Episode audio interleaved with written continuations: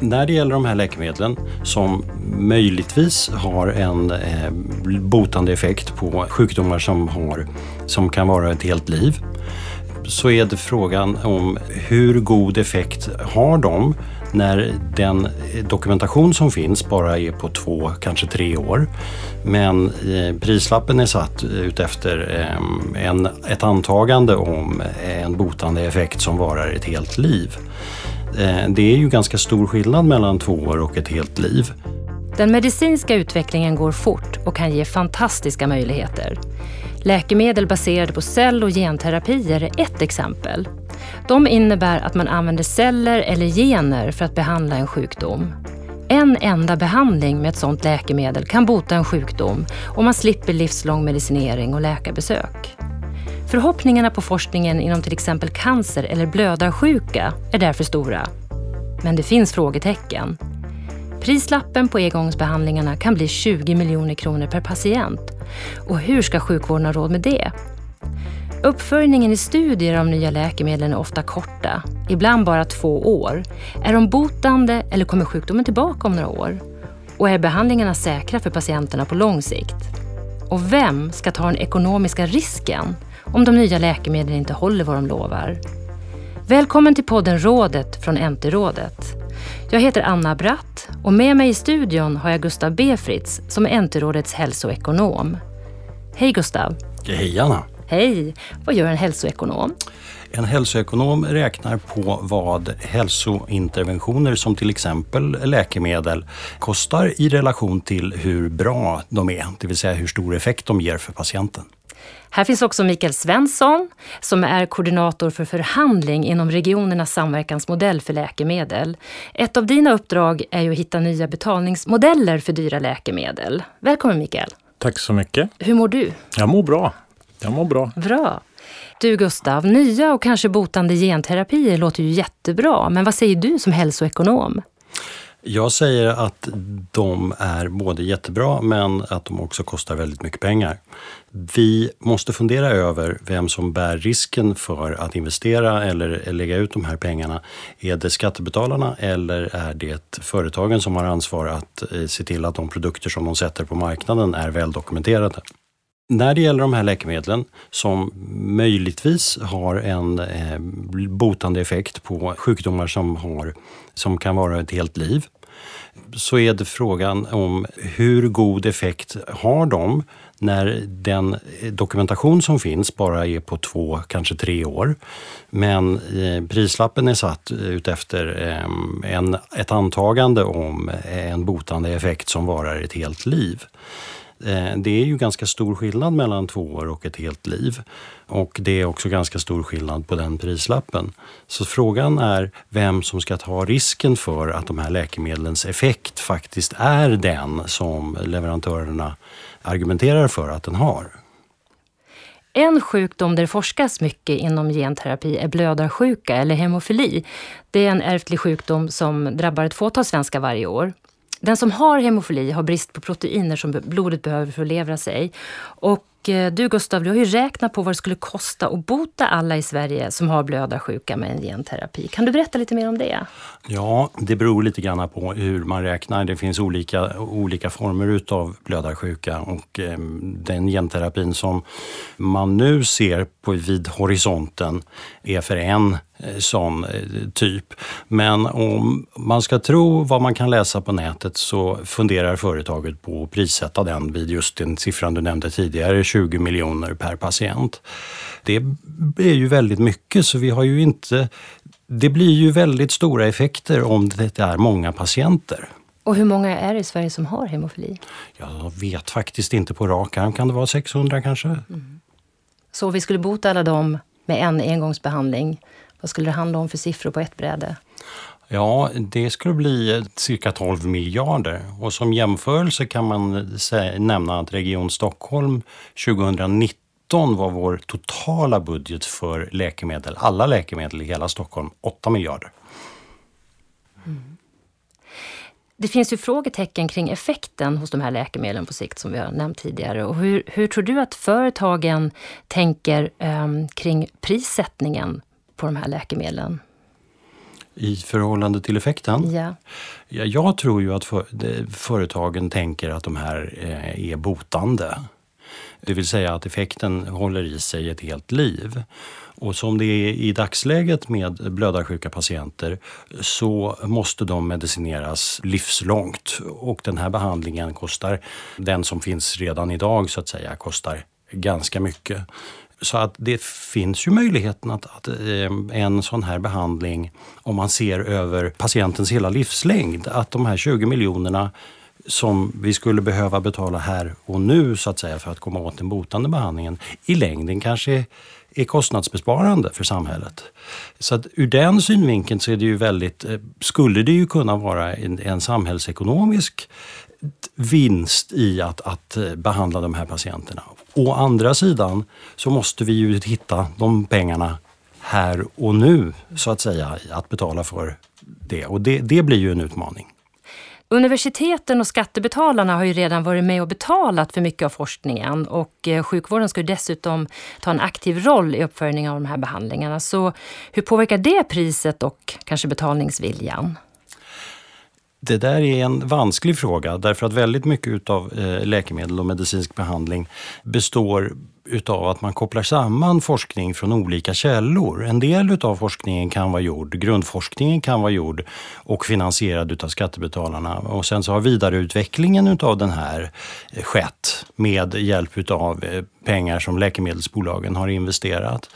Så att det är inte helt lätt att svara på. Men det är klart att läkemedelsbolagen prissätter produkter väldigt högt som till huvudsak bygger på redan finansierad forskning. Eh, kan ju vara, förefalla stötande. Så kan man säga. Det, det, jag tycker ju att man inte kanske kan luta sig så mycket mot forskning som man inte har gjort själv när man sätter så höga prislappar. Och vem ska ta risken om de här läkemedlen inte håller vad de lovar? Ja, där kan jag kanske spela över den frågan lite grann till Mikael och, och, och, de riskdelningsmodeller och betalningsmodeller som, som vi håller på att arbeta kring. Men det är ju en väldigt viktig fråga därför att om, om ett läkemedel, om vi inte vet att ett läkemedel faktiskt fungerar över en hel livstid men betalar en prislapp i förhållande till antagandet att läkemedlet funkar en hel livstid, ja då är det ju vi så att säga på betalarsidan som bär hela risken. Det kan ju inte vara eh, rättvist. Mikael, vad säger du? Nej, men, eh, jag, jag tänker att det är viktigt att vi försöker titta vidare på hur man kan hitta sätt att minska friktionen som vi ser nu när den här utmaningen blir större och större. Och ett sätt som då det pratas mycket om, det är just det med betalningsmodeller. Att hitta sätt att dela upp betalningen, dela risk, tänka annorlunda kring vem som betalar vid vilken tidpunkt och så. Eh, och jag tror att det här är jätteviktigt, att vi jobbar med det här och på så sätt att sjukvården och regionen verkligen är engagerade i det. Det som man ibland hör är ju att det här skulle vara lite grann som ett trolleritrick som skulle göra att om bara regionerna accepterade lite annorlunda sätt att tänka kring hur man betalar och så, då skulle alla problem vara som bortblåsta. Och så enkelt är jag övertygad om att det inte är. Så det är inte så enkelt att nya typer av betalningsmodeller kan bli lösningen för att man ska våga satsa på genterapier? Jag tror att det, det, kommer vara en nödvändig förutsättning, men det går inte att tänka sig att det blir en experimentverkstad där varje nytt läkemedel som har ofta en unik utmaning får en unik betalningsmodell. Det kommer bli alldeles för rörigt och krångligt att hantera. Och då kommer det inte gynna vare sig företag, betalare som då är sjukvården, regionerna, eller patienterna. Hur ser betalningsmodellerna ut idag? De, här, de här läkemedlen som vi har fokus på nu, de är ju utpräglade rekvisitionsläkemedel som vi brukar säga. Så läkemedel som används i sjukvården. Och då är det regionerna. Och regionernas intäkter är ju skatter i huvudsak. Så det är ju våra gemensamma skattepengar som förs in till regionerna som sedan betalar för det vi använder i sjukvården. Och de här nya behandlingarna är ju sådana så att de i huvudsak kommer användas på de stora universitetssjukhusen, i alla fall i början. Så det är ju de regionerna som har stora universitetssjukhus som har den här utmaningen närmast i knät. Och betalningen är ju i regel sån med läkemedel i övrigt att regionerna betalar månadsvis för så mycket läkemedel man har köpt, rakt upp och ner. För att regionerna ska ha råd med de här dyra engångsbehandlingarna, hur ska betalningsmodellen se ut då? Ja, den kommer behöva se lite olika ut beroende på vilken utmaning vi pratar om, men den måste vara enkel. Ett sätt att tänka och göra är ju att försöka hitta sätt att betala för det man får. Det kallas ju ofta för utfallsbaserade avtal. Man försöker hitta någonting man kan mäta som är tryggt, säkert, tillgängligt och, och med 100% sannolikhet och visar att läkemedlet har funkat. Om läkemedlet syftar till att man inte ska behöva någon behandling för blödarsjuka i framtiden, då ska man ju försöka sikta på ett tryggt sätt att mäta att det verkligen blir så. Och då kan det vara ett hjälpmedel för att dela upp betalningen och tänka kring hur man ska fördela betalningen över tid. Är det en modell av flera? Alltså det går ju att tänka sig hur många modeller som helst egentligen.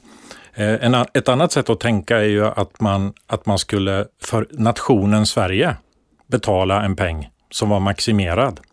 Och sen skulle användningen av läkemedel kunna variera där under det här nationella taket. Det är ett annat sätt att tänka. Det är ganska svårt att få det att funka för vi har ju 21 regioner. Eh, och då ska man få det där att funka i ett lite komplicerat system. Mm. Och det som, det som är viktigt också, det måste ju fungera ihop med det som Gustav och kollegor gör och tänker. En hälsoekonom tittar på om någonting kan vara att betrakta som kostnadseffektivt. Och det är ju viktigt för oss som ska hitta sättet att få regionerna också att vara med och betala för saker. Att de läkemedel som vi använder är att betrakta som kostnadseffektiva. Men vi vet ju inte. Och då måste ju det här också följas upp över tid. Så det, de här grejerna hör ju verkligen ihop. Ja, det är precis som Mikael säger. Och, och de måste följas upp över tid och eh, saker och ting kan ju, eh, behandlingar som har effekt under en livstid kan ju vara kostnadseffektiva över väldigt lång tid. Om man, om man ser det i det perspektivet. Samtidigt så, så har vi ju en motpart i detta och det är ju då läkemedelsföretagen. Ehm, och de är sällan villiga att gå med på betalningslösningar där, där stora delar utav betalningen kommer ganska långt in i framtiden. Vilket innebär att, att ja, intäkterna måste de nog kunna räkna hem på, på kanske fem, jag vet inte, jag spekulerar, men kanske fem år max eh, för att bolagen ska vara intresserade utav lösningar. Så det här är ju, det här är ju ehm, återigen, vi, vårt gemensamma intresse med, med, med läkemedelsföretagen som levererar de här, det är ju att, att patienterna ska få tillgång till eh, bra och effektiva mediciner. Men, men det som skiljer oss är ju att vi har begränsat med pengar att röra oss med från eh, betalarnas sida, alltså regionerna. Medan företagen naturligtvis vill eh, tjäna så mycket pengar som möjligt för att kunna då ses som attraktiva som investeringsobjekt bland många investeringsobjekt som finns för privata penningplacerare. Jag tycker det är spännande att Gustav tar upp det där med skillnader och så i eh, perspektiv. En, en annan, ett annat sådant exempel är ju hur vi ser på det här med att saker och ting ska vara öppna. Regionerna ser ju gärna, eller gärna, egentligen kräver att allting som vi jobbar med och satsar pengar på ska man kunna följa upp och veta vad saker och ting kostar. Men just när det gäller läkemedel så är det ju väldigt vanligt att vi också hamnar i de här situationerna där företagen kräver sekretess på vissa delar av avtalen som tecknas. Och det där är ju ett bekymmer. Och lite grann så hamnar vi i en utpressningssituation. För om inte regionerna går med på att ha ett sekretessbelagt avtal, eller inte avtalet utan själva, några av villkoren kan vara belagda med sekretess. Då kan vi inte tillgängliggöra läkemedlet. Om vi pratar om, om genterapier eh, mot blödarsjuka, vågar du spekulera i hur, hur betalningsmodellen kommer se ut den dagen de läkemedlen kommer till Sverige? Nej, det, det, det, vågar jag inte. Och jag tror att det är viktigt att man tänker igenom det här innan och att man har en, en, några grundtankar med sig inför att man ska försöka möta den här utmaningen. Och att vi är flera stycken som tittar på den tillsammans. Företagen behöver vara med och bidra, regionerna, hälsoekonomi, patienter. Så att, så att det finns någonting att sätta i sjön som, som, har, eh, som är åtminstone är genomtänkt. Hur långt Sen, är det kvar till, sån, till en sån modell finns klar? Nej, alltså det, jag tror det kommer bli så att vi behöver pröva. Vi behöver pröva saker och vi behöver misslyckas. För så kommer det bli. Eh, men att man lär sig under tiden och att vi sen kanske hittar lite olika typer av modeller som passar olika typer av utmaningar. Jag tänker på det här att tidigare så var det så att ju osäkrare evidens var, desto mindre har vi varit beredda att betala. Kan det på något sätt vändas upp och ner nu med de här nya ganska osäkra genterapierna? Ja, jag tänker att det inte är så. Jag tänker att just det här med osäkerheten, pratade Gustav om där i början. Det är lite grann en ny dimension just eftersom de här läkemedlen förväntas ha en effekt över väldigt lång tid eller egentligen då för evigt eller ända fram till man dör. Och det, det, är en, det är en lite annorlunda typ av osäkerhet, åtminstone tänker jag så, än de osäkerheter vi är vana vid att tänka kring när det gäller mera konventionella läkemedel. Jag vet inte om du håller med Gustav? Jo, det håller jag absolut med om.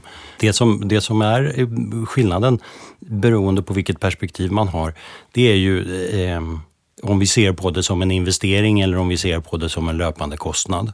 Och läkemedel har ju traditionellt sett eh, setts ur, ur sjukvårdens perspektiv som en löpande kostnad. Vi betalar för det vi använder. Eh, men här handlar det ju om på ett helt annat sätt att betala för en investering, det vill säga vi måste, vi måste fram med mycket pengar här och nu, men vi kommer att se vinsterna över en lång tid framåt. Eh, vilket ju är så att säga logiskt ur ett investeringsperspektiv. Vårt problem är att vi inte vet att de här vinsterna kommer att genereras. Det är det som är den stora osäkerheten kring detta. Jag tror att, att vi, vår villighet att betala för bra behandlingar för den här typen utav, utav patienter är hög. Men vår villighet att ta risker med pengar som egentligen är skattebetalarnas, mm. den är inte alls lika hög. Mm. Nu har vi Maria Langgren från Region Skåne med oss på telefon. Du är regionens representant i NT-rådet och läkemedelschef i Skåne. Välkommen Maria! Tack! Ja, finns pengarna till de nya dyra cell och genterapierna inom din budget i Skåne? Ja, där är vi ju inte riktigt än då nästa år utan de ligger lite längre fram och jag tycker det är eh, viktigt att fundera just på eh, de här osäkerheterna och ehm, hur mycket kan vi lägga ut? Jag tänker att om vi har den nya genterapin för hemofili som är på väg så skulle fem patienter med den behandlingen kosta lika mycket som det kostar att behandla alla blödarsjuka i, i Skåne idag. Så att eh, det är klart att det kommer att bli diskussioner och, och är det så att de patienterna blir botade så, så kan det vara värt varenda krona men, men det vet vi ju inte. Hur många hemofilipatienter har ni i Skåne idag? Jag vågar inte svara på det men vi är ju 13 procent av befolkningen och, och Gustav sa innan att det finns kanske 600 det kanske finns fler än så, men, men eh, ett hundratal, knappt hundratal skulle jag gissa på. Maria, om det kommer ett stort antal patienter som vill ha den här behandlingen under ett år, vad får det för betydelse för er budget? Det får jättestor betydelse eftersom vi är ett stort landsting, vi har många patienter och ska alla behandlas på en gång så kommer det ju få jättestora budgeteffekter.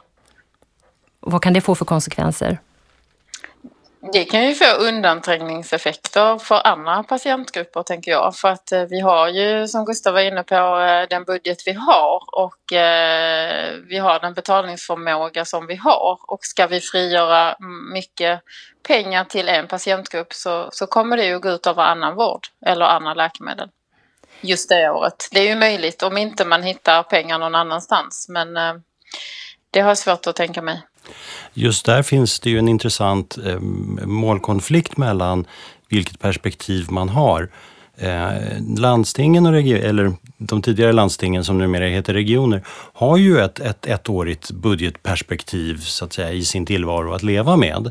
Medan eh, man, om man har ett, ett mera långsiktigt investeringsperspektiv eller, eller för den delen patientperspektiv, så kan ju, så, så kan ju tidshorisonten vara en helt annan. Och, och, och där kolliderar ju så att säga, det som över en livstid kan vara en väldigt bra investering kan i ett kortsiktigt perspektiv, om du bara har en viss budget att röra dig med, vara en, en jättesvår utgift att hantera. Så att det, där är, ehm, det där är en väldigt svår avvägning att göra. Men lands eller regionerna är ju, ehm, de, vi gör ju mycket investeringar, vi bygger sjukhus och vi köper tåg och, och annat. Så om man skulle se läkemedel som en investering istället för en kostnad så finns det ju öppningar, tänker jag. Eh, men jag tycker fortfarande att, att den här osäkerheten, får vi, får vi den nyttan? Om vi köper ett tåg så vet vi att det tåget rullar och hur länge det rullar. Om vi bygger ett sjukhus så vet vi att vi har ett sjukhus som fungerar ett visst antal år.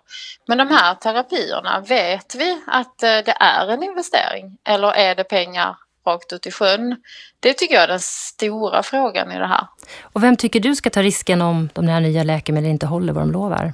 Jag vill ju att vi ska använda de här läkemedlen för om vi inte gör det så kommer vi aldrig att lära oss någonting. Men det kan inte vara så att landstingen och också patienterna är de som tar risken. För man får inte glömma att det här är inte bara en kostnadsfråga utan det är också en fråga för patienterna om deras effekt och deras säkerhet. Om du har en, en sjukdom idag och du vet att du inte kommer att överleva då kanske du har ett större risktagande. Men om du behandlas för blödarsjuka idag så har du en välfungerande bra behandling. Och då ska du också utsätta dig som patient för något väldigt osäkert som potentiellt eventuellt kan bota dig.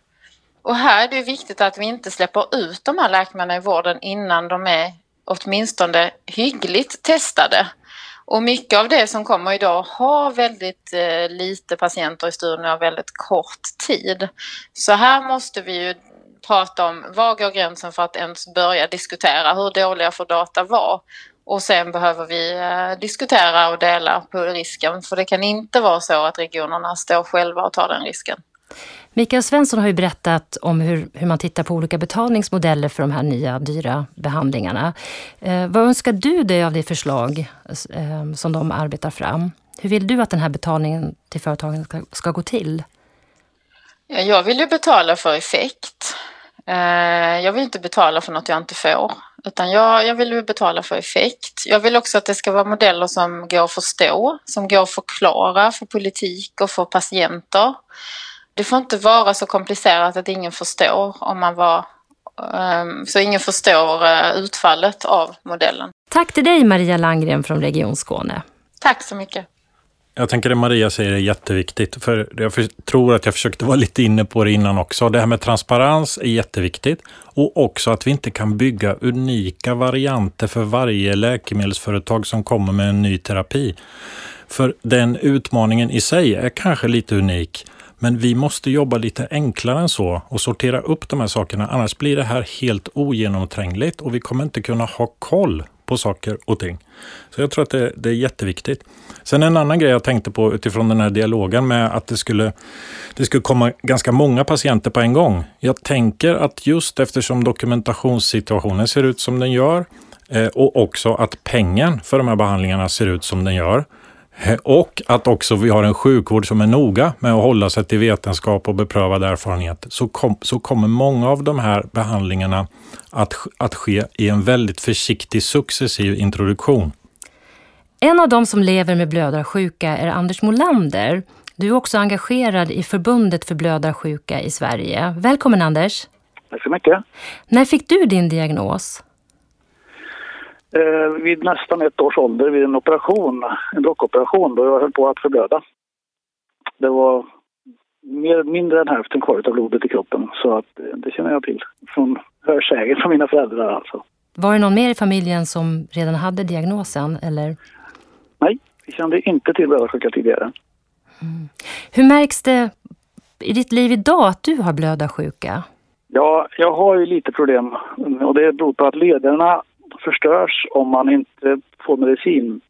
Man kan säga att ådrorna sträcks och böjs när man böjer och sträcker en led och de går då och då sönder. Och det är inget farligt för en frisk människa men för mig så har det inneburit att blodet har då runnit ut, lagt sig i leden och reagerat med leden och förstört brosket.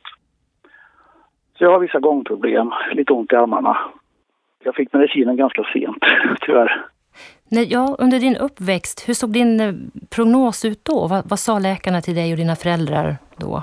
Ja, alltså för mina föräldrar var det nog en chock. För att eh, innan behandlingsmöjligheter fanns så var medellivslängden i Sverige någonstans mellan 16 och 20 år. Jag, jag kan bara föreställa mig hur hemskt det måste ha varit att få detta besked då. Dock kom behandlingen ungefär vid min, vid min födelse där 1960 och blev gradvis bättre och bättre. Så riktigt så illa som de fick höra blev det ju inte men det var väl ett ganska jobbigt besked kan jag tänka mig. Mm. Hur påverkar den här sjukdomen din livskvalitet idag? Ja, eh, egentligen inte mycket för med behandling är man ju fullt frisk, kliniskt frisk skulle man kunna säga. Jag har alltså lite gångsvårigheter, eh, måste vara lite försiktigare så att jag inte då slår upp någonting och det finns ju alltid en viss risk vid en större olycka eller något sånt här att eh, det preparat jag har i kroppen inte räcker till och då måste man ju till med mer. Och det är ganska fort också.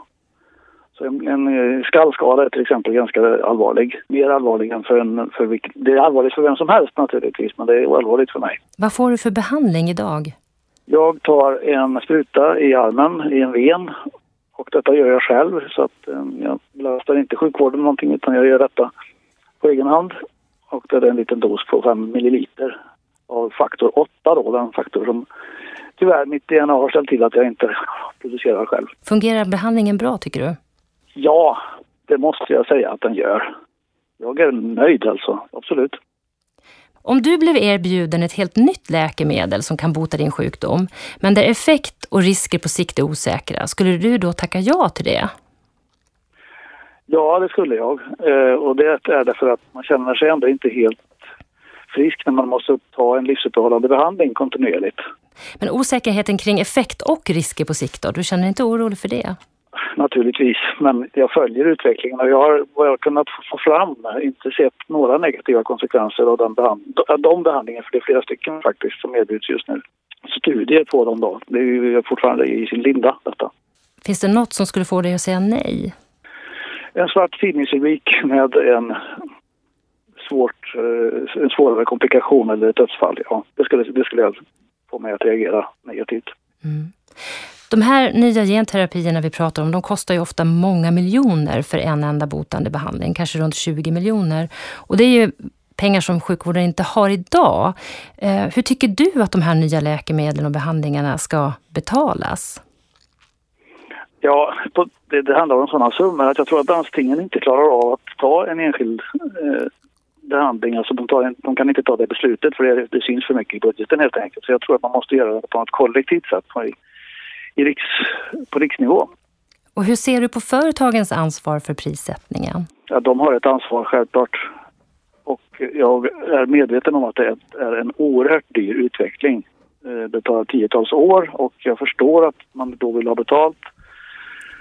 Och samtidigt så måste de tänka på att komma in i marknaden så att jag förstår nog deras problematik ganska väl också. Mm de kommer att hamna någonstans där de kommer att begära ett pris. Och jag tror att det blir en förhandlingsfråga till slut. Man kan ju säga att det måste bli en situation där båda parter är nöjda ändå. De höga priserna gör att sjukvården ibland redan idag måste säga nej till nya behandlingar. Har du som patient förståelse för det? Jag är mycket medveten om att det är en ganska dyr sjukdom och jag, som tur är är blödarsjuka ganska sällsynt också. Alltså åtminstone den svåra form jag har, det, det rör sig om mellan 500 och 1000 personer i Sverige som har den. Då anser jag väl att man av solidaritetsskäl ska behandla en sällsynt sjukdom som är mycket dyr. Och speciellt om, om man kan tro på en total bot, ja då tror jag att, att jag, jag, jag föreställer mig i alla fall att man kan få solidaritet för det. Mm. Jag tittar på Gustav och Mikael här i studion. Vad tänker ni kring det Anders berättar? Jag tänker att en sak som är lite speciell med blödarsjuka, om vi tänker på det här med solidar solidarisk finansiering eller att man ska dela på kostnader eller så, så är det ju faktiskt så att de, de blödarfaktorerna ingår i ett sådant system som finns och fungerar idag. Jag vet inte om du, du känner säkert till det här Anders, men eh, det, med, det finns ju en geografisk snedfördelning av blödarsjuka. Och den, eh, den är så pass stor att det här drabbar de olika regionerna ganska olika. Eh, och då finns ett system då för att dela på de här kostnaderna. Men det här är, det är ju väldigt ovanligt och det gäller bara för receptläkemedel. De här, även om nu en del patienter också får sjukfaktorerna eh, på sjukhus så är den största andelen är ju användning i öppenvård, precis som Anders som tar sin medicin själv. Och då receptförskrivs de. Och då finns ett system som funkar. Men för rekvisitionsläkemedel, det som eh, regionerna använder på sjukhus, då finns inget sådant system. Nej, men då tycker jag man skulle titta över systemet för att det, det är väl något man skulle kunna införa i så fall. Jag känner till den här snedfördelningen som du säger och eh, jag tror även att jag bor i ett län som har lite högre representation av blödarsjuka. Jag behöver inte gå in på det då, men så kan det vara faktiskt. Ja. Tack så mycket Anders Molander för att du var med här i podden Rådet. Tack så mycket, det var roligt att vara med. Det som Anders förde på tal på slutet här, nämligen en, en eh, och som Mikael också pratade om, en solidarisk finansiering eller en nationell modell är ju någonting som, som man har efterfrågat både från flera patientföreningar för sällsynta sjukdomar ehm, och även vet jag att flera läkemedelsföretag tycker att, att när det gäller just de här sällsynta, väldigt sällsynta diagnoserna så vore det bättre att ha för att undvika ojämlikheter. För det är ju, det är ju framförallt det. Vi vill ju ha en jämlik vård över Sverige och, och, och för att se till då att, att en, en, en, medicin tillgängliggörs i en region men inte i en annan skulle leda till ojämlik vård. Så därför har man ju på flera, på, från flera håll efterfrågat en nationell lösning. Och jag är väldigt kluven inför det. Eh, därför att eh, å ena sidan så skulle det lösa ut många problem på kort sikt för regionerna. Men vi vet också att det här med sällsynta diagnoser är en ganska stor, ett ganska stort affärsområde inom läkemedelsindustrin. Man vet att det finns en hög betalningsvilja och en hög solidaritet i befolkningen för patienter med sällsynta diagnoser. Så därför forskas det väldigt mycket. Så att om vi hittar på en, en, en nationell lösning för just blödarsjuka då har vi sagt att jo, men då finns det så att säga ett, ett prejudikat här. Då ska vi ha nationell lösning för nästa sällsynta diagnos och nästa sällsynta diagnos och nästa sällsynta diagnos. Så att det löser problemet på kort sikt. Men vi skapar ett annat problem på lång sikt. Nämligen att vi riskerar att, att eh, betala väldigt mycket för väldigt eh, dyra mediciner för ett väldigt litet fåtal patienter. Ja, jag ser på den utmaningen på samma sätt som Gustav. Jag tänker att det finns, eh, det finns fördelar och det finns nackdelar. Det speciella med den här modellen som finns idag, den är egentligen väldigt mossig och den vårdas inte och underhålls på något ordentligt sätt. Men den finns där för, av traditionella skäl. Den funkar inte för de moderna utmaningarna. Eh, så om man skulle göra någonting, försöka ge sig på någon sån här ny modell, då skulle man behöva tänka ganska nytt. Och de här riskerna som Gustav lyfter, de ser jag också. Det kan väldigt lätt riskera att bli att det leder fel. Det var allt från oss den här gången i podden Rådet. Jag vill tacka Gustav Befritz, hälsoekonom och Mikael Svensson, koordinator för förhandling inom regionernas samverkansmodell för läkemedel, för att ni var med i podden. Missa inte nästa del av podden Rådet från NT-rådet. Då ska vi slå hål på myter om nya läkemedel. Rådet är en podcast från NT-rådet. NT-rådet ger rekommendationer till landets regioner om hur nya läkemedel ska användas. Information om NT-rådet hittar du på www.ntrådet.se.